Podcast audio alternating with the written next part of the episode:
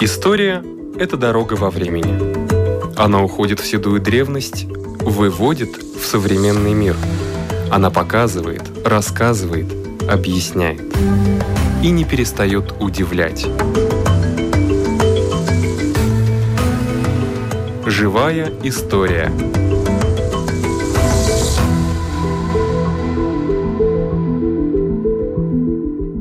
У микрофона Лидия Чера.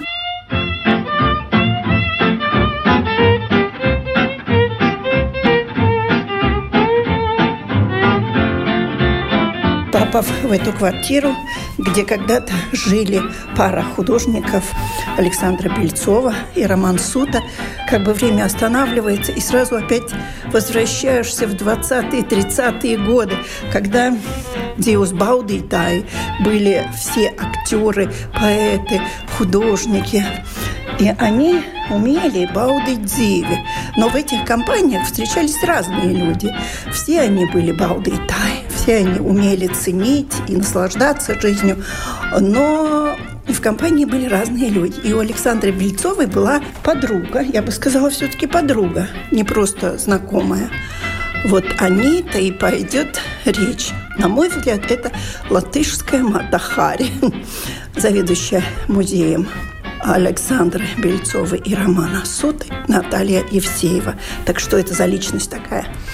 Действительно, Мата Хари, так она себя сама назвала на самом деле в такой доверительной беседе со Спазией в конце своей жизни. Но возвращаясь к тому, с чего мы начали, о том, что она была действительно не просто знакомая, это была близкая подруга Бельцовой долгие годы. Их дружба длилась все 20-е и до начала 30-х годов. Не то чтобы они потом поссорились, просто они меньше виделись, и Аустр жила за границей большую часть времени, и только изредка они обменивались открытками, письмами. Кто она была? Узулани Краузе, писательница, журналистка, активной такой жизненной позиции феминистической, можно сказать, феминистка, публицист, издатель. Ну, вот таких широких взглядов, дама с высшим образованием юридическим, широким кругом интересов. И поддерживая художников, не только Бельцову, на ее деньги. Существовала мастерская «Балтерс», который был помимо Бельцова еще и Сута, и Сигизмунд Витберг. Она была одним из организаторов, скажем так правильнее, журнала «Хо-Хо». Э, здесь тоже на выставке есть несколько экземпляров, которые можно полистать. Сатирический журнал политического такого э, социал-демократического толка, в котором публиковали свои карикатуры художники рижской группы включая Суту и Вельцовы. И, в общем-то, имя Аустроза Ланикрауза литератором, литературоведом, филологом, оно известно. И в контексте литературы межвоенного времени она такая заметная фигура. Мы как раз попросили филолога, доктора наук Карлиса Верденша написать небольшой такой эссе. Здесь на выставке его можно прочесть, где он оценивает вклад Аустры Озула Некрауза в литературу нашу 30-20-х годов, анализирует читают ее произведения. Но в целом, конечно, если так вот э, мы с сегодняшнего дня оглядываемся и оцениваем ее фигуру, скорее все-таки Аустра известна нам именно в связи э, с упоминанием Александра Бельцова. Ее портреты здесь представлены на выставках, написанные Бельцовой как раз в 20-е годы преимущественно. Эскизы к этим работам, эскизы и зарисовки, скажем так, которые делались с натуры за то все время, сколько они проводили вместе. Они подолгу жили на юге Франции, куда Бельцова ездила э, лечиться. Аустра как раз участвовала в том, чтобы эти поездки организовать, чтобы они были возможны. Но и для нее это таким был поездки на Ривьеру французскую были таким творческим прорывом. Практически там все ее основные литературные произведения и были написаны. Например, главный ее роман, может быть, не совсем ловко можно перевести это на русский, во вращающихся дверях, о жизни русских иммигрантов и такой совершенно пестрый национальный состав главных героев романа. Все происходит на там же, на Ривьере. Это можно судить по тому тексту наблюдения с натуры, которые она пишет. Те персонажи, которых она как раз и встречала в отелях, э, в том же казино в Монте-Карло. Вот она описывает жизнь в тех местах. Пьесы театральные тоже, Мария Валевская и Екатерина, посвященная императрице Екатерины, по-латышски это Катрина. Пьеса называлась, тоже была написана на Ривьере и поставлена была потом в скорости в Национальном театре. Одним словом, для Аустрии вот дружба с Бельцовой тоже означала многое. И творческое вдохновение, и поездки на Ривьеру, где они вдвоем путешествовали, переезжая из городка в город. И те места она и описывала тоже в своих романах. На выставке мы переписку отчасти показываем, письма Австрии, адресованные Бельцовой из поездок. Она, пребывая там в Европе, во Франции, в Париже, описывает выставки, которые она видит в Париже, пытается даже пересказать, как выглядят те или иные работы художников. Там описывает э, того же Фужиту, зная, что Бельцовой так нравился этот художник.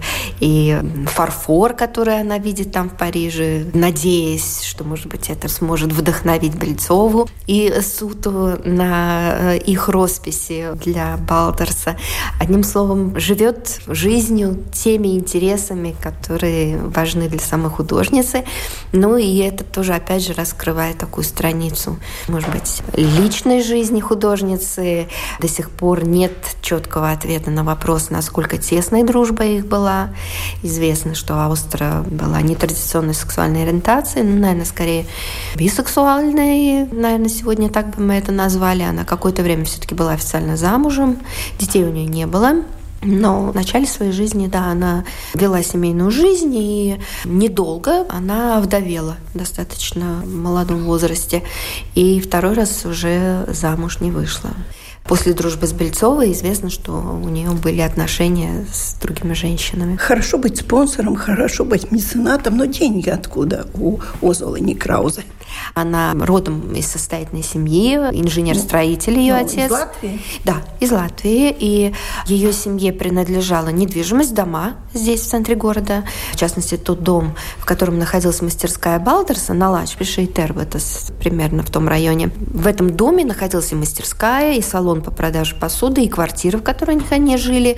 И этот дом э, унаследовала Аустра от своей мамы. Но известно, что уже в начале 20-х годов у нее начались начались финансовые проблемы. Райнис, ну, они известно, что были дружны э, в то время, когда Аустра жила в Швейцарии. Она была секретарем латышского комитета вместе с Райнисом активно сотрудничала, вот, популяризуя латышскую культуру там, в Швейцарии. И Райнис в своем дневнике еще в начале 20-х упоминает, что его вызывают в суд по каким-то долговым обязательствам, где он выступил в качестве гаранта за Аустру. То есть уже тогда у нее начались проблемы. И в годы, когда только открылся и начал работать Балтерс, тоже появляются в прессе заметки о том, что происходит аукционы продажа ее движимого имущества.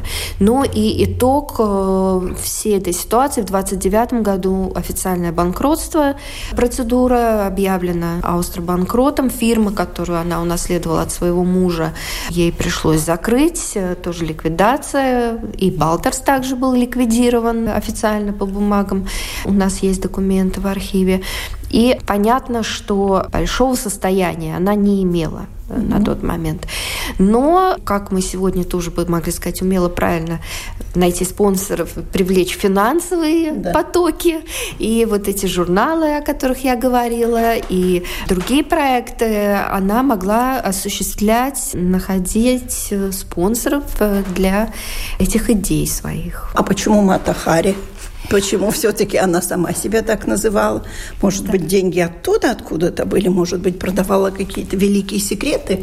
Похоже на то. Видимо, как раз-таки финансовые трудности и толкнули ее на то, чтобы начать сотрудничество со спецслужбами. Вообще спецслужбы начали ею интересоваться еще в годы ее жизни во Швейцарии, в годы Первой мировой. В архивах там, в Швейцарии, известно, что за ней была слежка установлена. Немцы, ее вот эта активность неуемная издание брошюр. Кстати, потом годы спустя местная пресса наша, Айскулисис, может быть, отчасти желтая пресса, но говорили о том, что она потратила чуть ли не несколько миллионов на издание брошюр там в Швейцарии, в которых она рассказывала о том, какая ситуация здесь с культурой в Латвии, происходит онемечивание, и на фоне настроений Первой мировой, где любая экспансия немецкая оценивалась негативно, в общем-то, ей удалось привлечь внимание интеллигенции местной к Латвии, вот к этой проблеме, и тем самым и спецслужбы начали вот уделять ей внимание, следить за ней. А впоследствии информация о том, каким было это сотрудничество, насколько широким и с какими именно спецслужбами она работала, неизвестно. Она об этом ничего не говорит. В общем-то, один из источников – это воспоминания подруги Аспазии, которая пересказала слова Аспазии, рассказ о том, как она встретилась с Аустрией незадолго до ее самоубийства в 1941 году. Она приехала к Аспазии сама, в Юрмалу, на дачу туда, и на вроде такой исповеди э, этот разговор состоялся, в котором она и сама назвала себя Матой Хари, но клятвенно заверила Аспазию, что никаких таких секретов, которые бы могли навредить ее родине, она не выдавала. Ей приходилось, видимо, как-то э, вращаться да, между двух огней, и судя по тому, что с приходом э, немецкой оккупации она не эмигрировала в СССР, и судя по тому, что она совершила самоубийство, это был сознательный шаг, скорее всего, слухи о том, что это могло быть синсценированное самоубийство, не верны. Скорее всего, она пошла на это все сама сознательно. Вместе с ней в квартире умерла ее тогдашняя подруга, молодая девушка еврейской национальности, и, видимо, они вдвоем это решили сделать, открыв газ в квартире. Газ, да. И э, вот как раз в разговоре со Спазией она Аустро сказала, что ни в коем случае не допустит, не хочет себе такой судьбы, как у Маты Хари. И призналась, что да, ей, вращаясь, как она говорила, в разных таких высоких кругах, ей льстило, что такие вот, в общем-то, известные люди с ней общаются там на разных конгрессах, антифашистских там в Европе и каких-то конференциях. И, да, попав в высший свет, ей хотелось поддерживать уровень. И, видимо, она, начать сотрудничать с другими, там же оплетают сетями, как правило, эти шпионы часто становятся двойными агентами. Да, как-то трудно определить. Не была никогда агентом. Но если бы она была в немецкой разведке, то, соответственно, в 1941 году ей бы не пришлось заканчивать жизнь самоубийством. Соответственно, и в Россию она не уехала, значит, она и не была российским агентом, правильно? Скорее всего, да. Так каким интересно? А, я предполагаю, что она могла сотрудничать с какими-то коммунистами во Франции. И да? в то же время э, есть такая противоречивая информация. С одной стороны, ее называют политической иммигранткой ульманевского режима в 30-е. Она уезжает э, в Европу. А с другой стороны, есть э, воспоминания, ну, тоже это фигура такая Феликс Целенс, неоднозначная.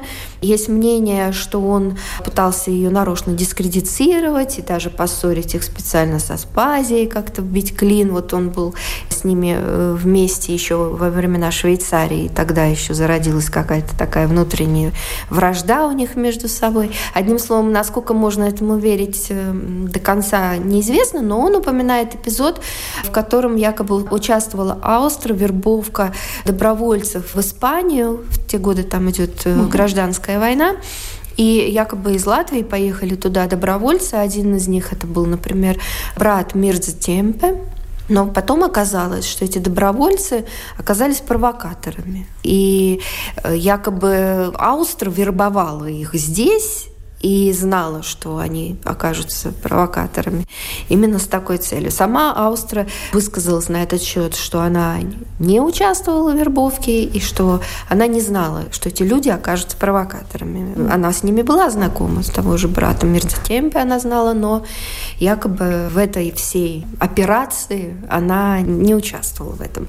Но если предположить, что участвовала, тогда выходит, что она могла сотрудничать с Ульманицем. С режимом Ульманиса. И тогда ответ есть, почему она не уехала в СССР. И если у них не были особо хорошие отношения со Спазией, выбрать э, ее как человека у которого она пошла исповедоваться перед смертью, это все-таки говорит о большом плюсе Аспазии. Да, опять же, если можно до конца положиться на эти воспоминания, Аустра хотела облегчить душу перед да. тем, как она уже якобы созрела для этого решения покончить жизнь самоубийством и хотела попросить у нее прощения, если вот какой-то конфликт остался между ними, и облегчить душу, да, выговориться. Но насколько имел место факт того, что она увела когда-то Райниса из семьи, неизвестно до конца. Но вот э, исследователи Райниса говорят, что это не так. Но вот отдельное воспоминание вот упоминают другие лица, что это было. Ну, до конца я не знаю, можем мы выяснить или нет. Наверное, прочитав переписку Райниса и Аустры, можно сделать вывод, насколько они были близки. Она была выше Бельцовой, наверное, на целую голову. Такая статная женщина. Да, судя по фотографиям, она была повыше. Да. да. Ее образ жизни был исключительно аристократический, она не занималась ни хиромантией, ни йогой. В то время же это было принято все время чем-то увлекаться, потусторонним миром, например. Что касается аристократического образа жизни, действительно, я упоминала коммунистов, она исповедовала такие активные левые взгляды, такая жизненная Реалистка. позиция активная у нее была, но тем не менее в своих привычках следовать тому, что установила у себя Советская Россия, такой вот рабочий крестьянский быт, она не собиралась. И ее такие, в общем-то, бытовые замашки остались аристократическими. Жить на широкую ногу, любить роскошь. Вот ее тоже современники описывают описывают как женщину, которая следила за модой, любила красиво одеться, и по фотографиям об этом тоже можно судить. Понятно, что отказывать себе она ни в чем не собиралась. А что касается каких-то мистических, таких э, эзотерических да, увлечений, ну вот мне об этом ничего не известно. Ни в переписке с Бельцовой, ни в Бельцовой воспоминаниях об этом ничего нет. Ну и литературные ее произведения тоже не дают нам повода говорить о том, что у нее были такие интересы. Бельцова э, в письме, я не знаю, насколько это может характеризовать Аустру, она сестре, когда писала, что очередной раз простудилась, э, танцуя танцуя на балу прессы в 27 году, пишут, что любит танцевать и делала бы это чаще, охотно, но не с кем. Роман и Аустра оба очень серьезные люди. И таких веселых развлечений на вроде танцев не признают. Так что ее такой вот у Аустры обычно на фотографиях серьезное выражение лица. Да. Действительно, редко ее можно увидеть улыбающейся, даже, по-моему, ни на фотографиях, ни на рисунках Бельцова, ни Нигде одной. Нет, да. да. И такое замечание Бельцовой, скорее всего, действительно ее характеризует как человека серьезного, рационального. Да, именно так. Вы как исследователь творчества Александры Бельцовой, это же понятно, что творчество отражает внутренний мир, внутренние отношения, художника к портрету. И, соответственно, значит, она все-таки вот была такая неулыбчивая и как подруга строгая, суровая. Скорее всего, строгость это могла проявляться в разных вещах, но не по отношению к Бельцовой. Для Бельцовой это явно была такая очень сильная поддержка. Бельцова была из тех, кто сомневается и в себе, в своем таланте, уничтожала свои работы ранее, не считая их достойными. И роман Суто, он как раз был таким, ну, не знаю, наверное, сегодня бы его назвали таким женом-ненавистником, очень сурово так э, выражал свое мнение по поводу... Не поддерживал. Да, даже вообще целом способности женщин к искусству, в частности, понять кубизм, он считал, женщина вообще не в состоянии своим интеллектом. Ну, вот так вот скарби, да. скажем так, да, сурово. И для Бельцова соседство, вот жизнь с таким э, человеком была особенно сложна. И она в этом тоже признавалась позднее в воспоминаниях, что ей нужен был свой круг – поддержка, которая бы ей давала веру в себя и силы. И э, я думаю, что Аустра была строга ко всем, только не к ней. И даже в одном из писем время, да, их такой тесной дружбы, середина 20-х, и время, когда Бельцова очень увлекалась э, творчеством Цугухара Фужита, вот эта тонкая да. каллиграфическая линия, и Аустро пишет ей, не изнуряя себя, не мучайся, добиваясь этой тонкой линии, пощади себя, подумай о своем здоровье, береги себя. То есть для нее в каком-то мере вот такая самопожертвованность, забота о Бельцовой стала одной из таких важнейших частей ее жизни. Я думаю, что действительно она была строга ко всем, но не к ней. Год рождения Аустры. 1890 год, на два года старше Бельцовой. Но, честно говоря, Бельцова, наверное, потому что она все-таки меньше была, она выглядит моложе. Мне кажется, Аустра выглядит старше. Ну, Но это мне так кажется. Э, Еще, может быть, потому что внешность так отличается. Аустра светловолосая, у Бельцова брюнетка, темные брови, темные да. волосы. Ну, как-то, может быть, еще в этом разница. И комплекция другая. Но, да, выглядит старше. Иначе, да. да. Ну, что еще добавим? Ну, я могу сказать, что музей открыт, хотя официально... Что радует. Да, официально считается, что мы работаем по записи, но в часы, когда музей открыт, можно прийти, хотя бы даже у дверей записаться, позвонить. Если нет у нас столпотворения, мы сразу пустим. Приходите. Выставка открыта до конца января. Здесь представлены фотографии, вещи и работы, которые не были на большой выставке Бельцовой. Есть и портрет Романа Суты, да, на котором мы видим Маустру, ее манускрипты, неизданные, опубликованные вещи, фотографии, переписка. А также здесь можно прочесть вот такое эссе о ее вкладе в литературу межвоенного времени, которую для нас специально для выставки написал Карлис Верденш. Спасибо. У нашего микрофона была заведующая музеем Романа Суты Александра Бельцовой Natālija Jevcieva. Dzied sirdsēnītes aizkāsnē, nāc pusīt mātējā zote. Ak, neprasi nav maizītes, skat, skat tur laukā zvaigznītes, skat, skat tur laukā zvaigznītes, skat, skat tur laukā zvaigznītes. 100 реликвий истории Латвии. Ирина Зайбарта. Декабрь, январь – это рождественское время, время раздумий и на вопросы веры и духовности. И как раз это, по-моему, очень хорошо сочетается с одной из наших реликвий. Реликвия истории Латвии. А реликвия – это, наверное, надо сказать, высоко художественного уровня. Это уникальная вещь, и вы уже, наверное, поняли, что речь пойдет об искусстве. То есть о произведении искусства сакрального, то есть церковного искусства, о картине, наверное, надо сказать, триптихе Голгофа. То есть того, что уже, конечно, связано и с Пасхой, но если речь идет о жизни и смерти Иисуса Христа, то, наверное, и под Рождество надо иметь время подумать, найти время раздумьям о этом времени жизни Иисуса Христа. Речь идет о картине, как я уже говорила, масляном триптихе 1614 года. То есть, напоминаю, самое начало 17 века. И тоже связано с религиозными переменами, переменами веры на территории Латвии. Голгофа очень распространенный сюжет искусстве, очень распространенный по всему миру и не имеет, наверное, значения о том, в каком государстве. Наше произведение искусства, наша реликвия в некотором смысле уходит корнями в традиции живописи голландской школы. В то время на территории Латвии довольно много произведений искусства были не самостоятельными произведениями искусства, а в каком-то смысле копиями и подражаниями. В XVI веке Нидерландах и в близлежащих землях был расцвет так называемого Северного Ренессанса, Северного Возрождения. Это произведение искусства одно из очень-очень немногих произведений искусства именно начала XVII века.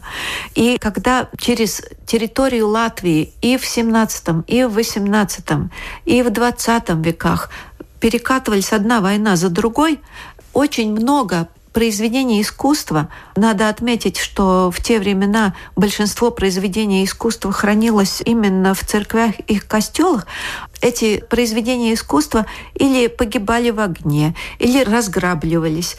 И поэтому ценность их в том, что их осталось очень-очень мало, и мы должны по достоинству оценить то, что сохранилось у нас сквозь века. Именно это произведение искусства, оно э, находилось в начале XVII века в недавно построенной церкви Калнамойжа, которую мы сегодня знаем под названием Тервете. И именно там, после того, как управляющий имений герцога Курлянского Александр фон Хоеннастенберг Вигант подарил это произведение искусства церкви, оно находилось несколько веков. Как я уже говорила, если триптих, он состоит из трех частей. То есть центральная часть, на которой изображена именно Голгофа. То есть уже распятый Христос и двое преступников, которых распяли вместе с Иисусом. А также на этом произведении искусства э, находится еще несколько фигур, которые можно расшифровать, если известен этот сюжет – распятия Христа. На этом произведении искусства и Мать Христа Мария, и будущий э, евангелист Иоанн, и две женщины, может быть, это Мария Магдалена и Соломея, и стражники, которые играют в кости, чтобы знать, кто получит одежду Христа. В общем, весь сюжет Голгофы изображен на этом произведении искусства. И на фоне, конечно, обязательный очень-очень неопределенный сюжет Иерусалима, в котором художник уж, конечно, наверняка не был. На левой стороне изображен сам Александр фон Хонестенберг-Вигант, то есть человек, который подарил это произведение церкви, со своими четырьмя сыновьями. сыновьями. А на правой стороне его жена Елизавета, уроженная фон Хеннинг, с дочерью. А в центре алтаря находилось еще одно произведение искусства «Тайная вечеря». Но, как я уже говорила, время не пощадило это произведение искусства, и в 1934 году Управление по охране памятников обратило внимание именно на это произведение искусства, потому что в то время этой церкви в Тервете производился ремонт. И в это время интерьер преобразовался, ну, более-менее требований того времени, 20 уже века. И поэтому Управление по охране памятников э, сняло это произведение искусства с стен церкви в Тервете и передала Государственному историческому музею. Они были на холстах? Нет, на дереве на деревянной широкой доске, и э, как большинство произведений искусства того времени, потому что такова была традиция того времени. И эти церковные э, произведения искусства, они довольно часто перевозились. И именно поэтому то, что было нарисовано на дереве, было более легко перевозимым попало в музей это произведение искусства в очень плохом состоянии. И поэтому уже через некоторое время эту часть, наиболее плохо сохранившую часть подвергли реставрации. Это тайную вечерю, да? Нет, именно эту Голгофу. Угу. А тайная вечеря не сохранилась. Все-таки пропала. Как не сохранилась и э, правая сторона, на которой изображена была жена дарителя. А она пропала, вот эта правая сторона, во время Второй мировой войны. Ну, а Святая Вечеря, она сохранилась, но не в нашем музее. Рундалы она хранится. Все-таки восстановили в большинстве своем, вот кроме этой правой стороны. А в 2011 году эту Голгофу опять реставрировали, и нам казалось, что на выставке «История реликвии истории Латвии» мы уже теперь покажем э, свое произведение искусства с гордостью, как такую редкую вещь, как редкое произведение искусства. Так и было. Мы демонстрировали ее, выставляли в ЦСИС в 2012 году, а в 2013 году мы выставили его в Рижском замке на выставке «История реликвии истории Латвии». И случился пожар. Пожар не тронул, но сырость тронула. То, что, как мы уже говорили, когда тушили пожар все это залили.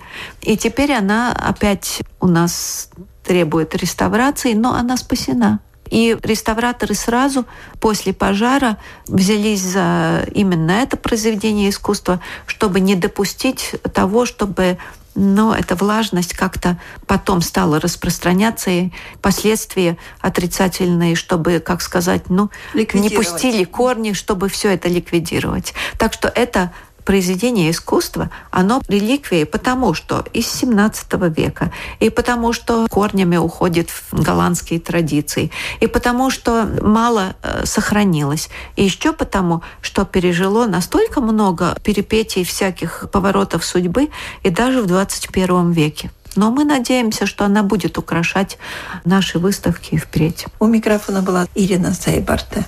На этом наша передача заканчивается. Всего вам доброго.